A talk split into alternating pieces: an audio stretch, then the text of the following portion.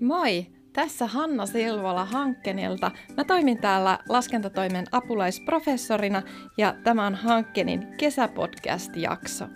Tänään me keskustellaan koronatukien vastuullisuudesta ja siitä, että missä määrin ne täyttää kestävän kehityksen kriteereitä.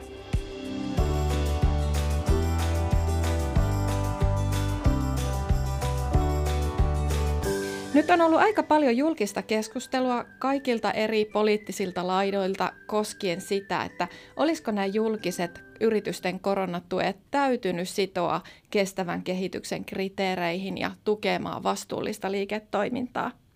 Näin ei ole Suomessa päädytty tekemään ja tänään mietitään, että olisiko näin täytynyt tehdä ja miksi näin ei olla tehty. Suomi on muiden EU-maiden mukana sitoutunut tällaisiin hiilineutraaliustavoitteisiin, eli EUn ja Suomen strategiana on olla hiilineutraali vuoteen 2050 mennessä. Eli meillä on noin 30 vuotta aikaa saada nämä tavoitteet saavutettua.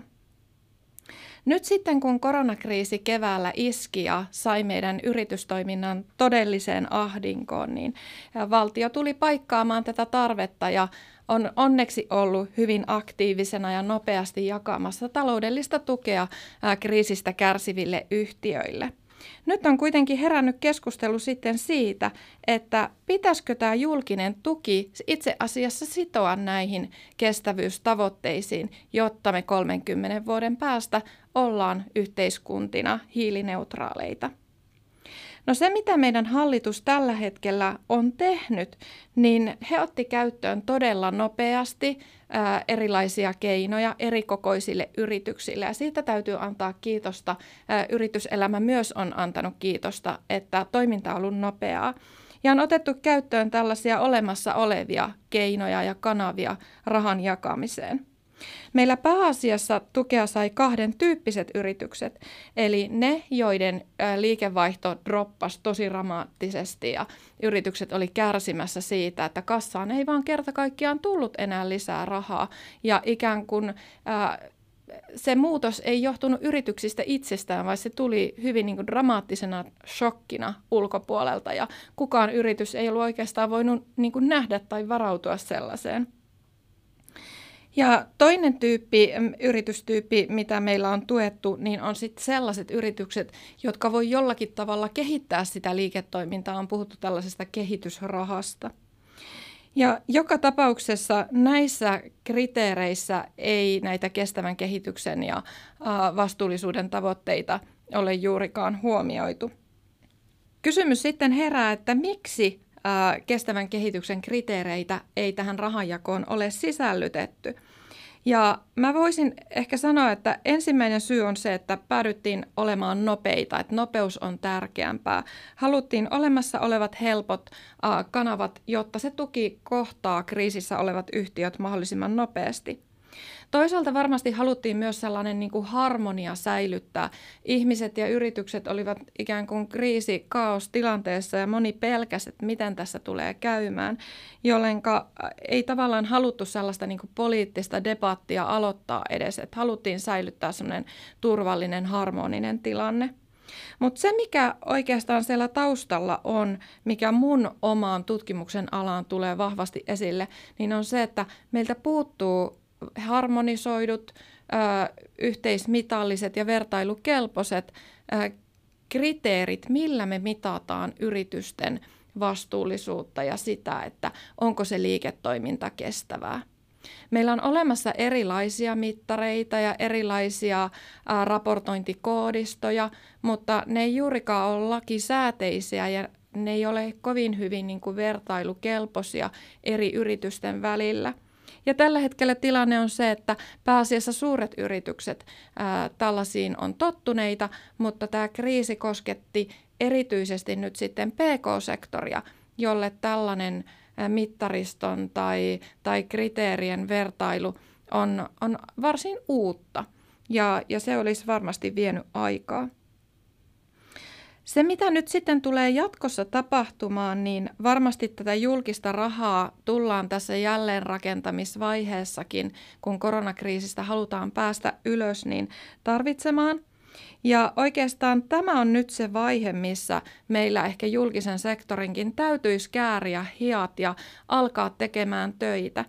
Et jollakin tavalla on myös paradoksaalista se, että yritykset on vapaaehtoisesti lähteneet tähän hiilineutraaliustavoitteeseen ja he ovat lähteneet vapaaehtoisesti raportoimaan ja kertomaan heidän kestävän kehityksen liiketoiminnasta tai niistä toimista ja, ja keinoista, millä he muuttaa sitä omaa liiketoimintaa kohti, kohti kestävää, kestävää mallia. Mutta oikeastaan se on ollut sitten valtio, joka tähän EU-strategiaan on sitoutunut ja onhan se vähän hassua, että sitten julkisessa rahanjaossa valtio ei itse tällä tavalla kovin aktiivisesti vielä toimi. Ja se, mitä mä näkisin, että tässä tulevaisuudessa tulee tapahtumaan tai pitäisi tapahtua, niin on myös se, että julkisen sektorin rahanjakoon tällaisia vertailukelpoisia malleja ja, ää, ja rahanjakokriteereitä tullaan kehittämään.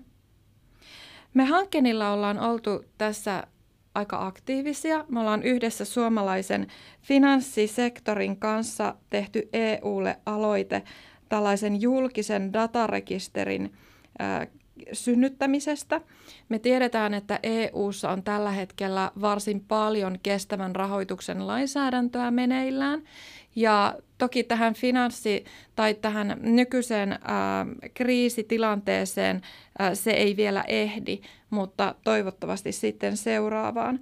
Eli on odotettavissa, että kestävää rahoitusta ja vastuullista liiketoimintaa tullaan lailla lähivuosina säätelemään ja jos ja kun yrityksiä kohtaa yhä laajempi raportointivelvoite, niin sitten tämä data olisi kaikkien julkisesti saatavilla.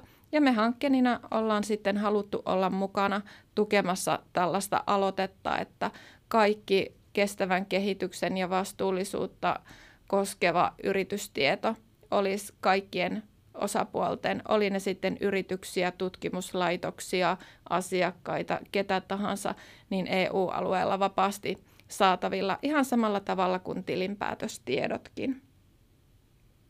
Tämän EU-datarekisterin tavoitteena on siis luoda sellainen julkisesti saatavilla oleva keskusrekisteri, jota valvoisi viranomaiset – Tieto olisi sieltä samalla tavalla julkisesti saatavaa, kuten esimerkiksi tällä hetkellä tilinpäätöstiedoista. Ja me, sijo- me sijoittajina, yksityissijoittajina pystyisimme myös tarkistamaan sieltä yhtiöiden tietoja. Mutta erityisen tärkeää tämä tietysti olisi sitten ammattisijoittajille, finanssilaitoksille ja rahoittajille – ja samalla tavalla myös valtio rahoittajana pystyy sieltä tarkistamaan rahoitettavien yhteide, yhtei, yritysten vastuullisuus- ja kestävän kehityksen tietoja. Tällainen EU-datarekisteri pääasiassa kertoo niin sanotuista ESG-asioista. Tämä ESG on tällainen sijoittajatermi, joka pyörii paljon nykyään jo ihan talouslehdissä ja sillä tarkoitetaan sitä, että miten yritys vaikuttaa sen ympäristöön, minkälaisia sosiaalisia vaikutuksia sillä on ja miten yritystä johdetaan. Eli yritysten kuuluu kertoa näistä asioista kaikille sidosryhmilleen, oli ne sitten sijoittajia tai kansalaisjärjestöjä, viranomaisia tai meitä tavallisia kansalaisia. Tämän ESG-datarekisterin ajatuksena on se, että tieto on kaikille yhdenvertaisesti saatavilla. Tällä hetkellä isoimmat yritykset, niin kuin tuossa aikaisemmin kerroin, julkaisee ESG- ja kestävän kehityksen tietoja omilla nettisivuillaan ja omissa yritysvastuuraporteissaan. Mutta ongelma on se, että jokaisen meistä täytyy mennä sinne yrityksen omille nettisivuille etsimään näitä tietoja ja se on aika työlästä. Sitten nämä yritykset myös raportoi asioista hiukkasen eri tavalla, eli meillä ei ole sellaista niin kuin standardisoitua viitekehystä tai, tai ohjeistusta, että mitä raportoidaan ja millä tavalla. Eli olisi toivottavaa, että EU tulee säätelemään jotkin minimikriteerit, mitä kerrotaan ja millä tavalla. Ja, ja sitten tämä tieto olisi kaikkien saatavilla. Tällä hetkellä ehkä ongelmallista on tällaisen yhdenvertaisuuden näkökulmasta se, että on olemassa – tällaisia palveluntarjoajia, jotka analysoi yrityksiä, yritysten ESG-tietoja ja sitten myyvät tätä tietoa eteenpäin. Ja tulevaisuudessakin heillä tulee olemaan rooli tämän datan analysoijana, mutta hankalaa on tietysti se, että pienemmillä finanssitaloilla, puhumattakaan meistä yksityissijoittajista, meillä ei ole minkäänlaista mahdollisuutta käytännössä ostaa noita tietokantoja. Eli, eli jos me halutaan, että kestävän kehityksen tavoitteet tulee saavutetuksi isossa mittakaavassa, niin olisi järkeen käypää se, että myös tieto yritysten toimista näiden kestävän kehityksen tavoitteiden saavuttamiseksi olisi meidän kaikkien saatavilla, eikä se ole vain isolla rahalla ostettavissa. Ja tällä tavalla me olemme arvioineet sitten, että tämä EUn ESG-datarekisteri palvelisi tällaista yhdenvertaisuutta, vertailukelpoisuutta, yritysten läpinäkyvyyttä ja se myös hälventäisi tällaista puhetta ähm, viherpesusta ja siitä, että vastuullisuustoimia käytetään vain markkinoinnissa ja brändin luomisessa, vaan että me pystyttäisiin oikeasti näkemään, että minkälaisia toimia yrityksissä tehdään, miten esimerkiksi päästöt vähenee, jätteiden kulutus tai, tai veden kulutus tulee muuttumaan. Eli onko se yritys oikeasti sellainen, joka on ikään kuin sanojensa takana, ettei se ole vain pelkkää sanahelinää? Mielenkiintoinen tapaus onkin sitten tällaiset käänneyhtiöt tai muutosyhtiöt.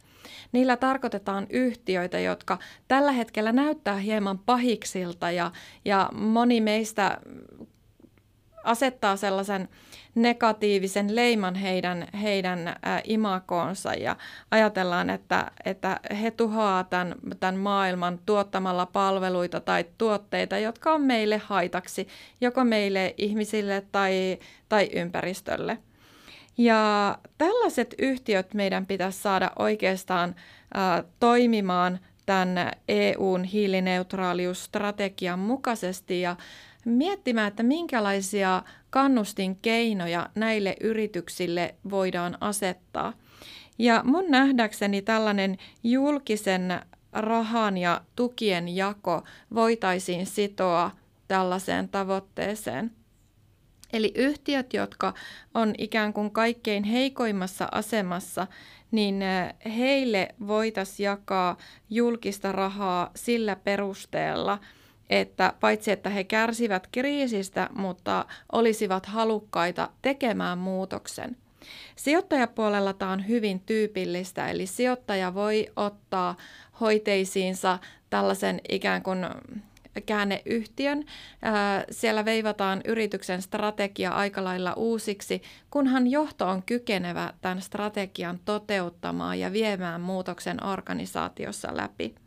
Meillä on Suomessakin lukuisia mielettömän hyviä esimerkkejä siitä, että miten meidän energiasektorin yhtiöitä, esimerkiksi Neste, metsäsektorin yhtiöitä on lähteneet tekemään tuotteita ja palveluita, joissa esimerkiksi fossiilisista ollaan siirrytty uusiutuviin. Uusiutuvalla raaka-aineella korvataan muovia tai jotain muita vastaavia esimerkkejä. Ja mä itse ainakin näkisin, että julkisella sektorilla ja julkisella rahoituksella olisi tällaisessa käänneyhtiötoiminnassa todella merkittävä rahoittajan rooli.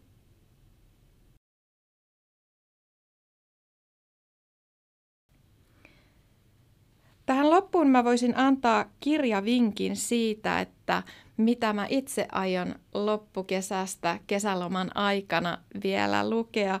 Mä oon odottanut tämän kirjan julkaisemista, julkaisemista siitä asti, kun Yalein yliopiston Carrie Krosinski vieraili meillä täällä Hankkenilla ja, ja Suomessa viime marraskuussa. Ja hän on kirjoittanut todella mielenkiintoisen, mielenkiintoiselta kuulostavan kirjan Kiinan roolista näiden globaalien kestävän kehityksen haasteiden ratkaisemisessa ja siinä, että mikä rooli kiinalaisyhtiöillä ja kiinalaisten yhtiöiden kanssa yhdessä toimimisella on siihen, että miten nämä suuret globaalit kestävyysongelmat voidaan ratkaista yhdessä. Ja tämä kirja on nyt tulossa tämän kesän aikana äh, kirjakauppoihin ja tämän kirjan nimi on Modern China, kirjoittajana Carrie Krosinski Yalein yliopistosta. Tämä oli hankkeen kesäpodcast. Äh, puhujana Hanna Silvola, laskentatoimen apulaisprofessori. Ihanaa kesää teille kaikille!